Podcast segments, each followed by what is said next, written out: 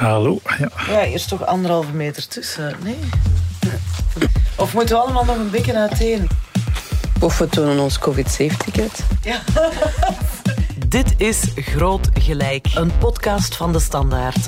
Waarin twee redacteurs debatteren over een hot topic. Ik ben Jan-Frederik Abbeloos, chef politiek. Ik ben eh, Eva Bergmans, reporter voor het Weekblad. De vraag die vandaag op tafel ligt: moeten we iedereen verplicht vaccineren? Die weg zijn we in elk geval volop aan het bewandelen. Dat kan ik ook zien en ik word daar toch een beetje bang van. Ik ben Marianne Justaert. Groot gelijk dat je luistert. Mag ik beginnen? Dit is Groot Gelijk. De spelregels zijn duidelijk. Alleen inhoudelijke argumenten zijn hier toegestaan. Er zijn geen winnaars of verliezers. Nee, we gaan iets doen wat tegenwoordig eigenlijk niet meer zo vaak gebeurt. We gaan naar elkaar luisteren. We gaan het dus hebben over een vaccinatieplicht. Is zo'n vaccinatieplicht wenselijk, noodzakelijk of net contraproductief? Of te vergaand misschien?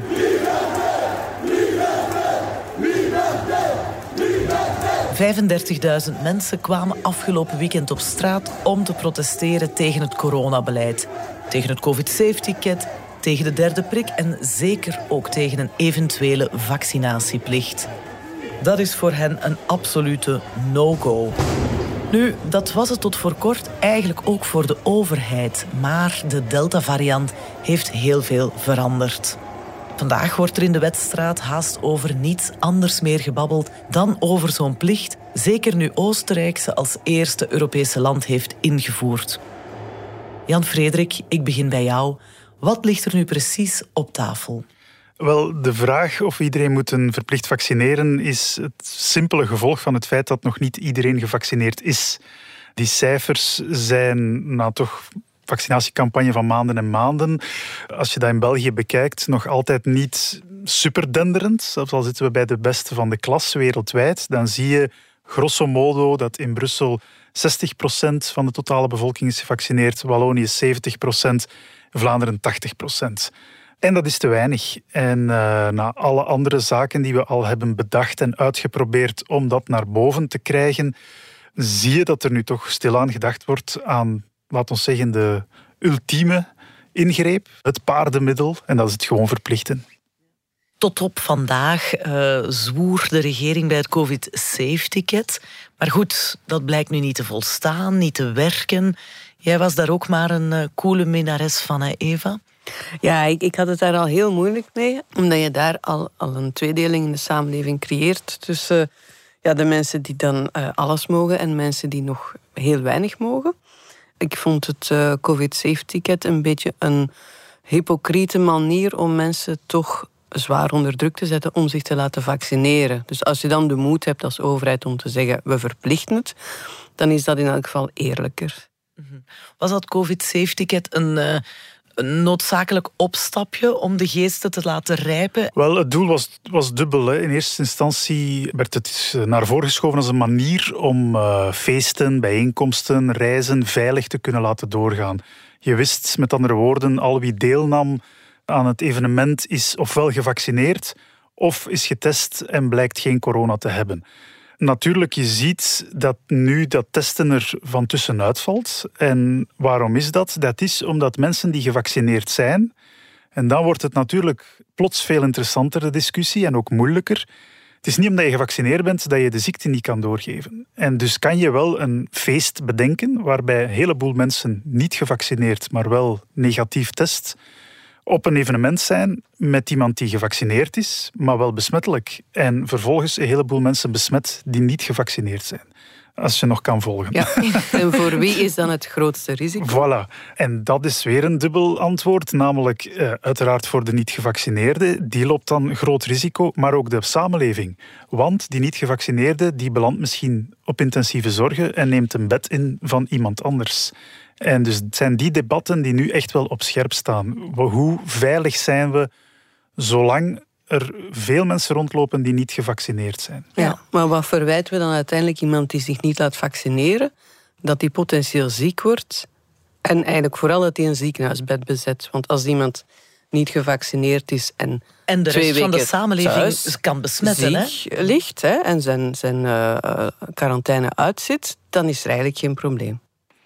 Wel, het, het jammer is dat de kans dat iemand die niet gevaccineerd is met corona zwaar ziek wordt, zelfs zo zwaar dat hij in het ziekenhuis belandt, is vele malen groter dan iemand die corona oploopt en die wel gevaccineerd is. Dus de kans op een overbelasting van je zorgsysteem wordt groter op het moment dat de groep die niet gevaccineerd is groter wordt. Dat zie je in heel Europa. De landen met slechtere vaccinatiecijfers zijn de landen die een snellere en hevigere vierde golf eh, over zich heen krijgen. Ja. Een gevaccineerde heeft uh, eh, 14 keer minder kans om in het ziekenhuis te belanden. Onder 65, ja. ja. Ja, nu, de plicht komt ook niet helemaal uit de lucht vallen. We kennen het, hè? de vaccinatieplicht bestaat voor polio. Mm Ja, ja, het poliovaccin is op een, een, kleine groep na, wordt dat eigenlijk in onze samenleving niet meer ter discussie gesteld, de meerwaarde daarvan.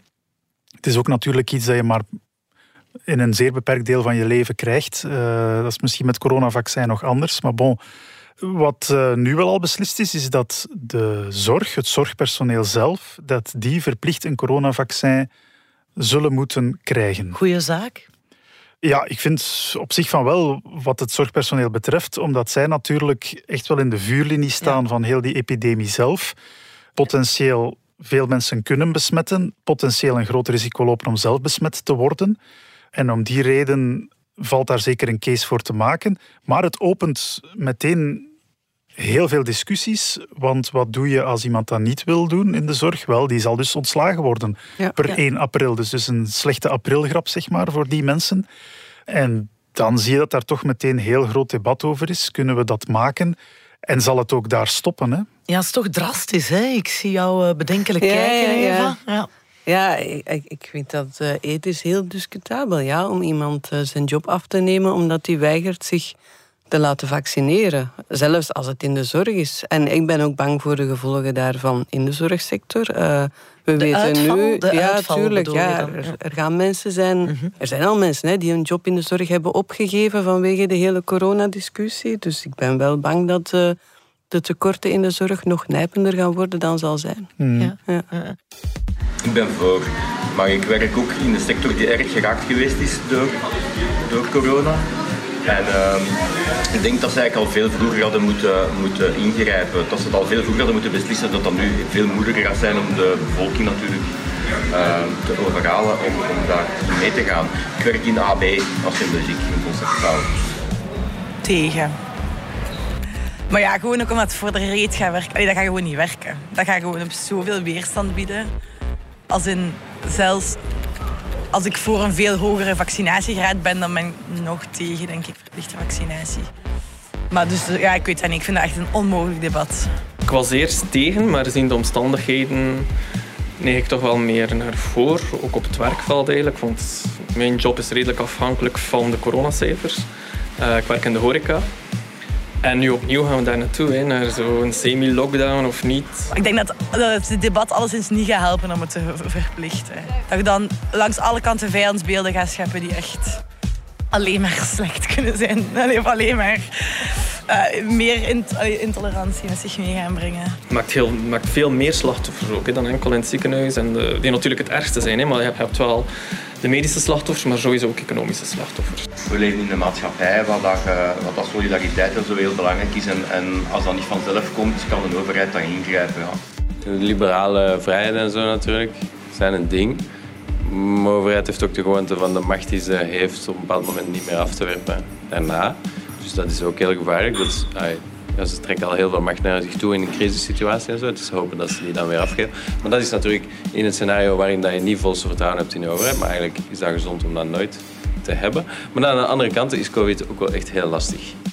Ja, toch opvallend veel mensen die zeggen van stilaan uh, kunnen we niet meer anders. Het zijn ook wel mensen wiens job uh, op een of andere manier echt wel rechtstreeks geraakt wordt door de hele situatie.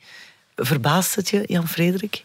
Het sluit in elk geval aan bij wat cijfermateriaal dat we hebben. We hadden eerder dit jaar de stemming van de Standaard en de VRT. Daaruit bleek al dat er een groot draagvlak was onder Vlamingen, was dat dan, om uh, het zorgpersoneel te vaccineren. Dat, die vraag hadden we toen al gesteld in mei.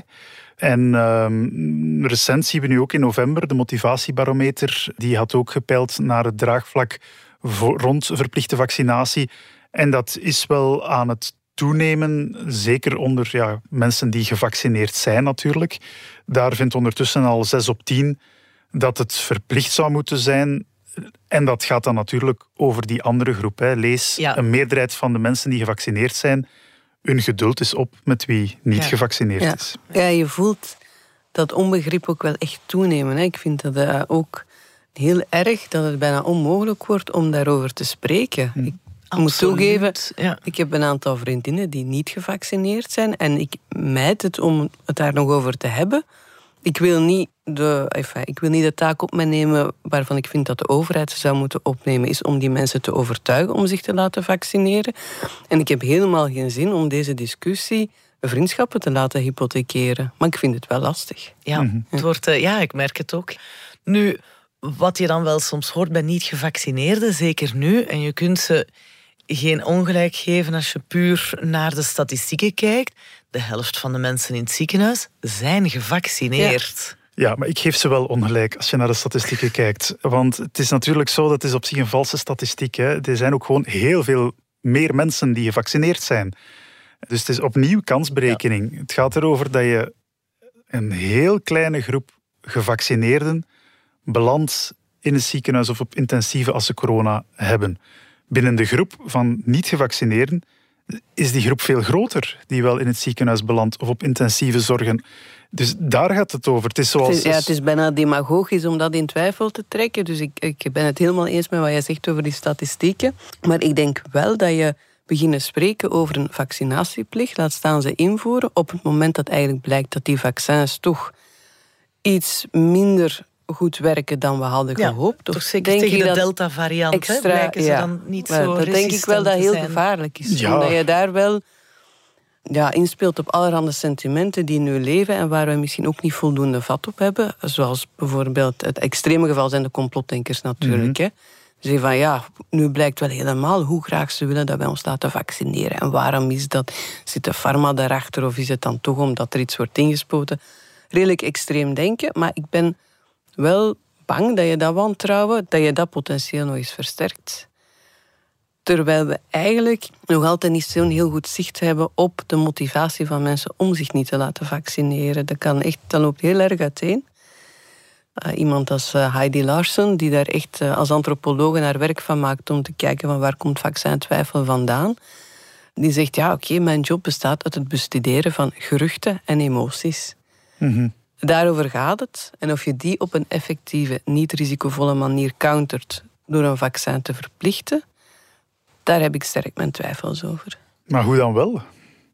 Want we hebben nu toch al veel geprobeerd. Hè? Ja, ja het, het punt van Heidi Larsen is vaccintwijfel is echt is een soort relatieprobleem, is een soort gebrek aan vertrouwen. Uh, je gaat het vaak zien bij mensen die al een soort wantrouwen in de overheid hebben. En eigenlijk moet je daarop inzetten. Dus de overheid moet daar zelf met, niet alleen denk ik met correcte informatie, het bestrijden van fake news, maar ook met inzetten op die motivatie. En eventueel door het inschakelen van bemiddelende figuren in wie mensen wel vertrouwen hebben of in wie een bepaalde gemeenschap wel het vertrouwen heeft. Uh, om op die manier die motivatie op te krikken, eerder dan te verplichten. Het gebeurt Werk natuurlijk al. Er is in, zowel in Brussel als Antwerpen al heel veel moeite gedaan in het werken met tussenpersonen, met deur-tot-deur campagnes, allerlei informatiebrochures. In die zin, als je op dit moment uh, twijfelt aan de meerwaarde, ik zeg niet de onfeilbaarheid, maar op zijn minst mhm. de meerwaarde van het vaccin dan is dat omdat je dat wil geloven. Hè? Mhm. Dan is de vraag, gaat u iets overtuigen? Dat zou kunnen, dat het bijna onmogelijk en is. dan is het misschien aan de grote boze overheid om uiteindelijk te zeggen, kijk, we hebben dit proces nu zijn gang laten lopen, hier stopt het. En welk effect gaat dat dan hebben op eh, de mindset van die mensen? Wel, heel cru, op dat moment, eens dat die beslissing genomen is, doet dat er niet meer toe. Wat uw mindset ook is, je wordt verplicht om uh, dat vaccin te laten zetten, punt. Ja, met het risico dat het wantrouwen in de overheid. Ze wantrouwen de overheid nu blijkbaar al, want ze laten om die reden geen vaccin zetten. Dus eigenlijk verlies je niks. Hè, want Bij ze sommige mensen, hè, ik, ik ken evengoed uh, een vriendin die zichzelf en haar kinderen niet wil laten vaccineren, omdat ooit een van haar kinderen heel ziek geworden is na een vaccin. Mhm. Kwam dat door dat vaccin? Dat is niet zeker. Maar er zit wel, er ligt iets ja, aan de basis van het wantrouwen dat niet helemaal rationeel is en helemaal niet bewezen is. Maar wel, wel maakt dat, denk ik, als je zo iemand verplicht, dat die met een heel akelig gevoel gaat achterblijven. Nu, daar wil ik ook wel graag eh, advocaat van de duivel spelen. Want van, zodra de overheid iets gaat verplichten, dat dat automatisch weerstand en rebellie het gaat creëren bij een bepaalde groep mensen. Tegelijkertijd verwachten veel mensen ook wel dat de overheid maatregelen neemt, optreedt en ons uit die crisis loodst waar we nu met z'n allen in zitten. En een vaccinatieplicht zou daar natuurlijk wel aan tegemoet komen. Ja, akkoord. Het heeft vooral het voordeel dat het een, een, de hypocrisie op dit moment oplost. De hypocrisie nu is, je bent niet verplicht om een vaccin te laten zetten, maar als u er geen zet, dan gaan we u via een COVID-safe-ticket het leven wel bijzonder zuur maken. Dan moet je de eerlijkheid hebben om als overheid te zeggen, we verplichten het. En eigenlijk voor iedereen, want nu zegt men, we verplichten het alleen in de zorg. Dat gaat naar de Raad van State. Ja, ik hoor nu al eh, dat men eh, bij de Franstalige socialisten verwacht dat de Raad van State zegt het is ongeoorloofde discriminatie. Waarom enkel het zorgpersoneel? Dus de finale discussie zal altijd zijn ofwel voor niemand verplicht, ofwel voor iedereen verplicht.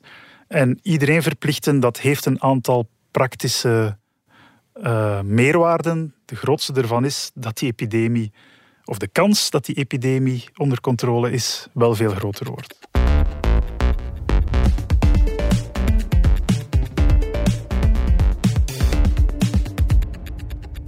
Laat het ons eens hebben over het argument vrijheid. Een vaccinatieplicht is in theorie een verregaande inbreuk op de fysieke integriteit, zoals die toch beschreven staat in de grondwet, ook in het Europees Verdrag voor de Rechten van de Mens. En in dat verband belde ik eens met Cathy Verstrepen, de voorzitter van de Liga voor Mensenrechten. Zelfs al zou het dus wettelijk uh, mogelijk zijn, dan nog mag je het alleen maar wettelijk verplichten als er geen andere optie is als laatste redmiddel. Dus die proportionaliteit, die moet altijd in het oog gehouden worden. En omdat het toebrengen van een vaccin aan iemand die dat niet wil, zo'n inbreuk is op het privéleven, ligt die lat van die proportionaliteit zo extreem hoog. De inbreuk is gigantisch. Dat wil dus zeggen dat daar tegenover ook echt een gigantische nood moet zijn. En die zie ik op dit ogenblik nog niet. Ja, sommige dingen kunnen juristen beter zeggen dan ik het zelf kan. uh, dus ja, ik vind dat uh, inderdaad de vraag die gesteld moet worden. Is het, is het proportioneel? Is het legitiem? En wordt die genoeg gesteld? Dat is een vraag die ik mij al bij veel uh, maatregelen heb gesteld. Eh, ik had het gevoel ook al een beetje met de avondklok. Oeh, toch ook wel even schrikken. Dat is toch ook iets zonder precedent. En met, met die vaccinatieplicht ja, heb ik dat heel erg. Luc Bonneux zei het ook. Hè. Je kan als arts eigenlijk... Je kan een patiënt niet dwingen tot een behandeling. Uh, dat, is, dat is onethisch. En in dit geval is er zelfs een beperkt medisch risico mee gemoeid. Dat een patiënt die echt niet gevaccineerd wil worden... Blijkbaar bestaat er zoiets als het nocebo-effect.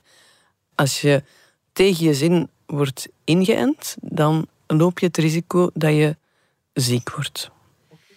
Ja, nu, ik hoor ook wel meester Verstrepen zeggen van het, kan wel wettelijk, of het zou wettelijk kunnen. En er is een arrest van het Europees Hof voor de Rechten van de Mens in een zaak tegen Tsjechië. Het ging niet over het coronavaccin, maar over een ander vaccin. Dateert van 8 april 2021.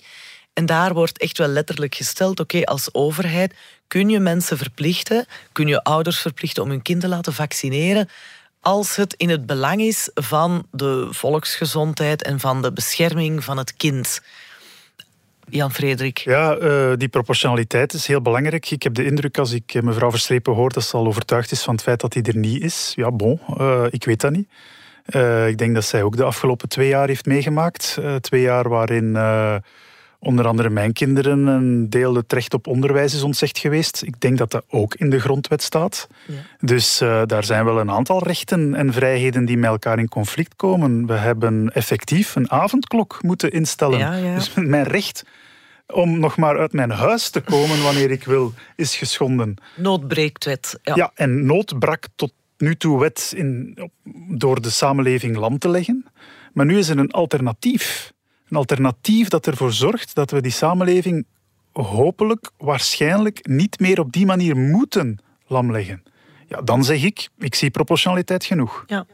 Nu, die, die, uh, op het moment dat je als overheid zo'n verplichting oplegt, moet het proportioneel zijn, moet het ook noodzakelijk zijn. Ik had die verstrepen vertaald het als het moet echt het laatste redmiddel zijn. Mhm. Is het dat? Het enige alternatief dat ik zie, is, en, dat is inderdaad al aangehaald, is dat je het aantal bedden in, uh, op je intensieve zorgen en in je zorgsysteem toekoer dusdanig opschaalt dat welke vorm die epidemie ook aanneemt, de zorgsysteem het aan kan. Alleen weten we dat in dit soort epidemies, eh, met dan de fameuze exponentiële groei, dat je eigenlijk niet weet op welke limiet dat je kan belanden als je pleit voor vrijheid, blijheid. En dat is het, het ambetante. Moesten we weten, oké, we komen er met uh, eh, 3000 bedden en dan is een, een, vaccinatieverplichting niet nodig. Ja, dan zeg ik ook, oké, we kiezen voor die 3000 bedden. Evident. Maar zo simpel lijkt het op dit moment niet. Nee, op zich is het verontrustend dat onze zorgsector blijkbaar totaal niet klaar is voor een epidemie. Dat dat iets is van, ja, we dachten dat dat ook niet meer gebeurde. Hè. Mm. Misschien griep hm, in een erg jaar. Moeten we onze zorg anders organiseren in plaats van te praten over een vaccinatieplicht? Ik, ik denk dat dat toch een gesprek is uh, wat nu misschien te weinig wordt gevoerd. Uh, en ik, ik las ergens een, eh, een interessant stuk van een dokter die zei van ja, heel dat debat draait rond die intensive care. Maar er is meer dan dat in de zorg, er is ook meer dan dat in de maatschappij. Misschien moeten we toch eens nadenken inderdaad over de bredere organisatie van de zorg en die intensive care. En hij gaf één simpel voorbeeld. Hij zei waarom denken we eens niet na over welke zorg kunnen we misschien wanneer verlenen. Misschien is er zoiets als een zomer- en een winterregime denkbaar in de zorg. Misschien als een paar slimme mensen daarover nadenken, of als er ergens budget gevonden wordt, dat er wel een andere manier is dan een vaccinatieplicht of het lamleggen van de samenleving. Maar goed, dan moet je op een gegeven moment natuurlijk ook triëren. Hè? Wie krijgt wanneer welke zorg op het moment dat het erom spant? Gaat dan al dan niet gevaccineerd zijn ook als criterium in de schaal ja, worden nou, dat wil je zeker niet. En je wil ook niet dat uh, ja, mensen die echt oud zijn of zo, dat die worden uitgesloten van, van dringende zorgen. Dat is, uh, ja, mm -hmm. ik ben het ermee eens, er moet heel secuur over nagedacht worden, maar misschien moet er minstens over nagedacht worden, terwijl ik nu soms de indruk heb dat uh, in de politieke wereld een, een soort uh, ja, pensée uniek groeit richting, ja, het moet toch. Mm -hmm. We zijn begonnen met lockdown, avondklok, covid-safe-ticket, vaccinatieplicht. Daar lijkt een rechte lijn in te zitten waar misschien wel parallele denksporen mogelijk zijn. Allemaal vanuit de premisse, we moeten die zorg vrijwaren, we behapbaar houden, maar misschien is dat wel de verkeerde premisse. Wel, de oorspronkelijke premisse was natuurlijk, je gaat dood van dit virus en we gaan ervoor zorgen dat mensen niet doodgaan aan dat virus. Dat was nogal redelijk basale noodzaak. Gelukkig uh, zorgt het vaccin er ook voor dat die kans uh, daalt dat je eraan doodgaat.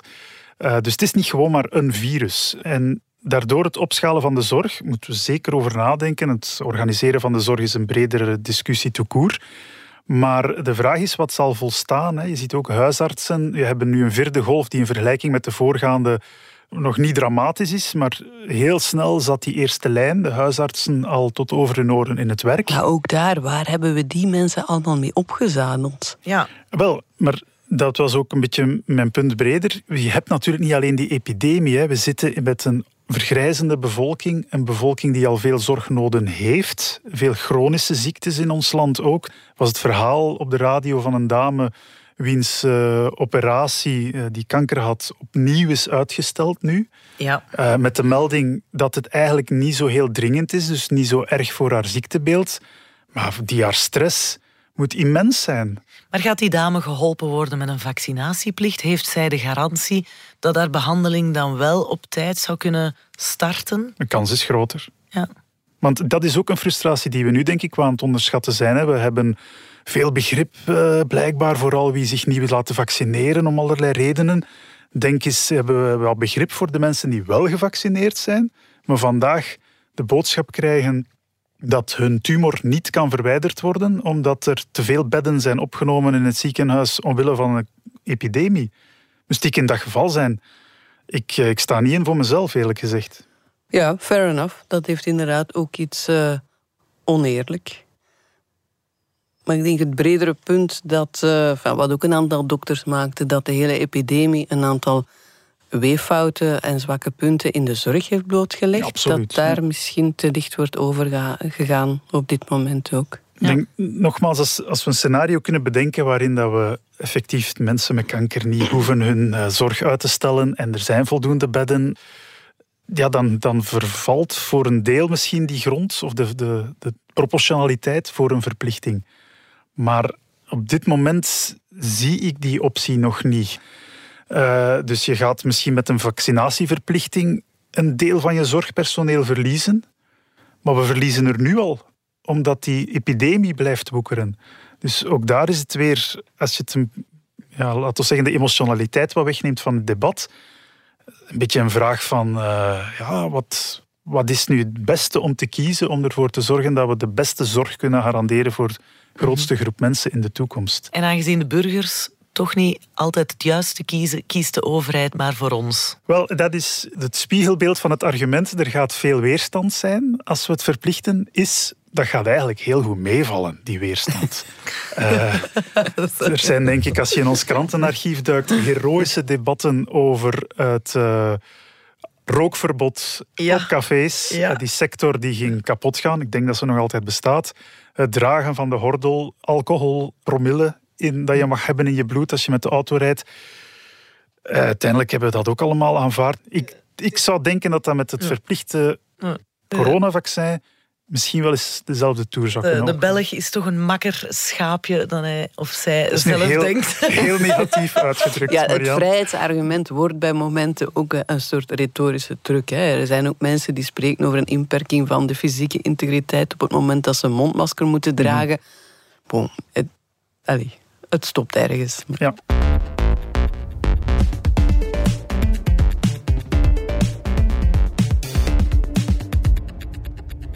Volgende vraag of de volgende kwestie is natuurlijk hoe ga je zo'n vaccinatieplicht afdwingen? Hebben ze daar in de wedstraat al over nagedacht, Jan-Frederik? Uh, nee, niet dat ik weet. ik herinner me nog een minister Frank van den Broeke die zei: gaan we ze dan in de gevangenis exact, gooien? Ja. ja. Dat is, hij is natuurlijk het, uh, het, gezicht bijna geworden van hoe snel het gaat. Hè. Op een bepaald moment was hij de eerste om alle praktische bezwaren, en die gaan dan toch vooral rond handhaving op tafel te leggen. Gaan we die mensen in de cel gooien? Gaan we ze verplicht inenten? Gaan we ze isoleren? Te gek voor woorden. Ja, nu lijkt hij dat minder belangrijk te vinden tegenover de baten van een verplichte vaccinatie. Maar iemand als premier De Croo hoor je het wel nog altijd zeggen. Dus dat wordt, stel dat we ooit die, die horde nemen en overgaan tot ja, we verplichten het, wordt het grote volgende debat natuurlijk. Wat met wie dan nog weigert. En hoe doen ze dat met polio? Wel, bij polio staat daar een, uh, een geldboete op, tot 800 euro. En ik denk ook een, een gevangenisstraf. Maar natuurlijk, in de feiten uh, is dat, er zijn denk ik elk jaar een paar duizend mensen die hun, kindje niet laten vaccineren tegen polio. Ja, het is niet dat die allemaal uh, in de gevangenis vliegen. Vaak wordt daar ook een middelijke schikking zelfs getroffen dat het geen 800 euro is. En 800 euro, veel geld tegelijkertijd. Stel dat dat de geldboete wordt voor corona, uh, je, je plicht afkopen. Hè? Ja, wie rijk genoeg is, kan zich het permitteren. Maar ja, als je dan louter een boete uh, geeft of al dan niet dreigt met een gevangenisstraf, goed, dan schiet die hele vaccinatieplicht misschien wel zijn doel voorbij. Hè? Cathy Verstrepen die zei daar ook wel iets interessants over. Die zei, als we dan echt verder willen gaan en dat doel willen bereiken, hebben we daar dan al over nagedacht? Als je dan gaat zeggen, ja, het moet echt, hè, boete of geen boete, iedereen moet echt die prik krijgen. Dan stel ik me de vraag, hoe zie je dat dan in de praktijk? Ga je dan politieagenten vragen om mensen um, van hun bed te lichten en mano militari over te brengen naar een vaccinatiecentrum? Ga je die mensen daar dan vastbinden op een stoel? Uh, ga je dan artsen verplichten om die mensen tegen hun wil uh, die stof uh, in te brengen? dat neigt voor mij toch naar een artikel 3-schending. Een, een, een, een, onmenselijke of een zeer vernederende behandeling. Uh, hoe ver mag de politie dan gaan in het uitoefenen van, van dwang? Erg pertinente vragen. Ja, mhm. artikel 3 uh, eh, van het Europees Verdrag voor de Rechten van de Mens uh, is het verbod op foltering. Ik heb geen benul en ik denk dat onze overheid ook nog geen benul heeft hoe je dat dan aanpakt. Zelfs met die boetes, hè, want ja, je kan zeggen polio dat is een eenmalig vaccin, dus je koopt dat af met een eenmalige boete mhm. of gevangenisstraf. Maar wat doe je met een vaccin waarvan je er misschien twee per jaar nodig hebt om die epidemie onder controle te houden? Ja, of drie, hè? We of zijn drie. al aan de boosterprik. ja. Ja, ja, terechte bedenking. Dus dat wordt duiveltjes altijd in de details. Hè. Uh, het verplichten is bij wijze van spreken het ethisch moeilijk, maar praktisch makkelijkste deel van de beslissing. Voilà, het is beslist, iedereen verplicht. Maar wat betekent dat? Ik denk of ik mag hopen dat het niet betekent dat we mensen uh, tegen hun wil een inenting gaan plaatsen. Ik denk wel, wat ik al zei, dat het ergens is bijna een soort van los eindje dat je, dat je toeknoopt. Namelijk, je zit nu al op het punt dat je mensen die niet gevaccineerd bent, uh, zijn, dat je die op verschillende manieren ambeteert, om het zo te zeggen. Met, die, met dat COVID-safe-ticket of controleert. Alleen heb je daar een wankele basis voor, omdat de vaccinatie vrijwillig is. Dus die verplichting zorgt er ergens voor dat je met een, een solidere basis kan zeggen: we gaan eigenlijk mensen discrimineren, maar het is dan geen discriminatie meer, want je bent hmm. ja, verplicht, dus je schendt een, een verplichting. En vervolgens heb je meer recht, bij wijze van spreken, als overheid om te zeggen dat heeft een aantal gevolgen. Maar goed, ook al heb je vandaag geen corona-safe-ticket, je kunt wel nog altijd essentiële zaken doen. Hoe ver zijn we verwijderd van een samenleving waarin een vaccinatieplicht geldt en waarin iedereen die niet voldoet aan die plicht ja, dus ook gewoon helemaal niks meer kan doen. Niet meer het openbaar vervoer kan nemen, niet meer de winkel kan binnenstappen, een bankrekening kan opendoen enzovoort. Is dat denkbaar? Goh, ik, uh, ik, ik vind het heel moeilijk om daarover bijna te, te fantaseren hoe dat die samenleving er zou uitzien. Je hebt natuurlijk van zodra je iets verplicht als overheid, eigenlijk wel de, de ja, moet daar een, een handhavingsbeleid aan gekoppeld zijn. De vraag is hoe ver dat gaat. Ook dit zal leiden, denk ik, als jij overgaat tot een verplichting, tot een, een, een jurisprudentie, tot allerlei rechtszaken. Dat zal aangevochten worden.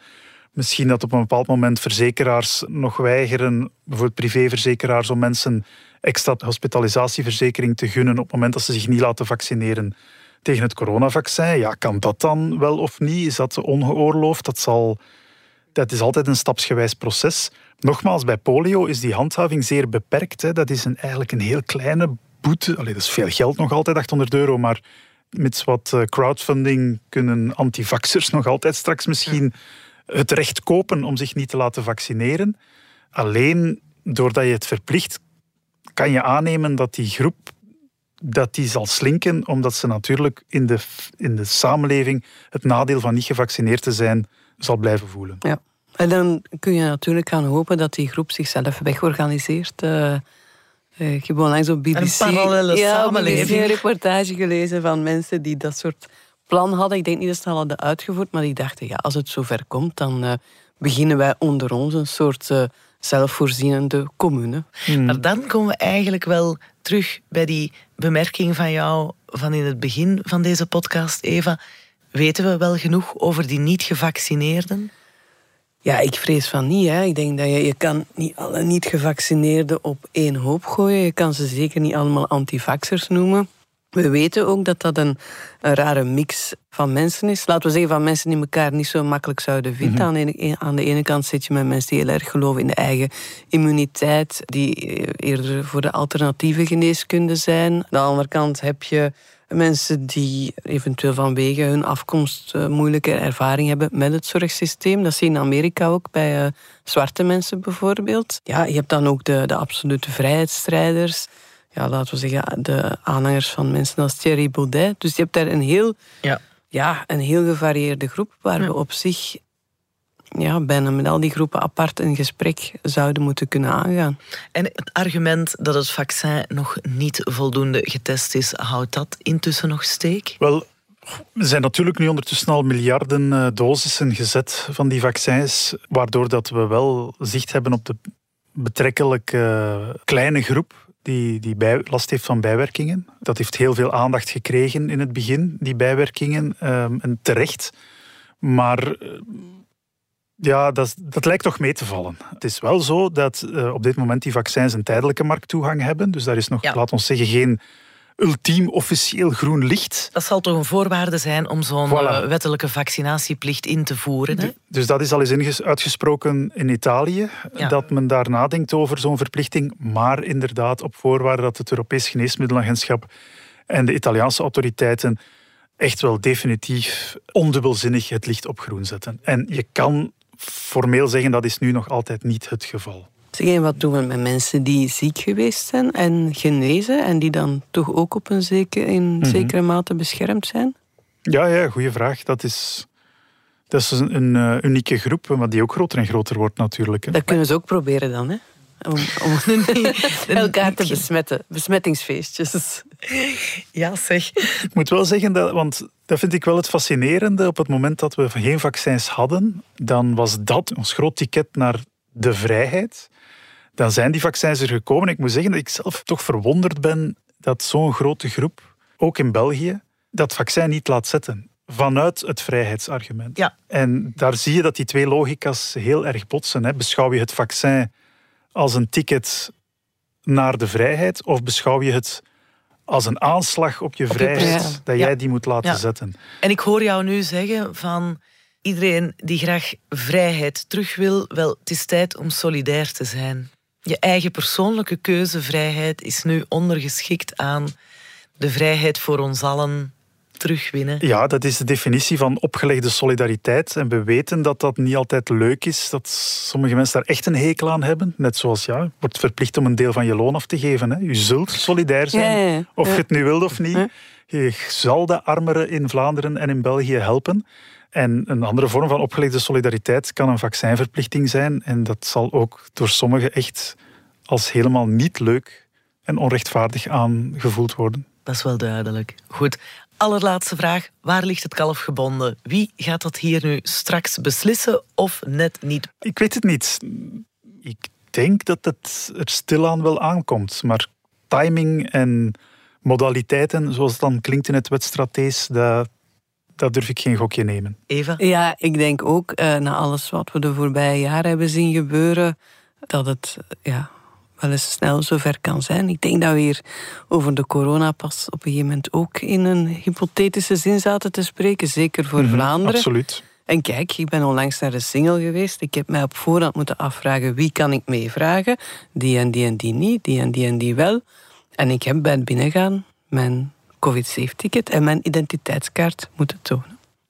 Het is ongelooflijk snel gegaan. Wie had dat gedacht? Oké, heel hartelijk bedankt voor de goede discussie. We gaan er ongetwijfeld nog heel veel van horen. Eva Bergmans, Jan-Frederik Abeloos. Tot een volgende keer. Graag gedaan.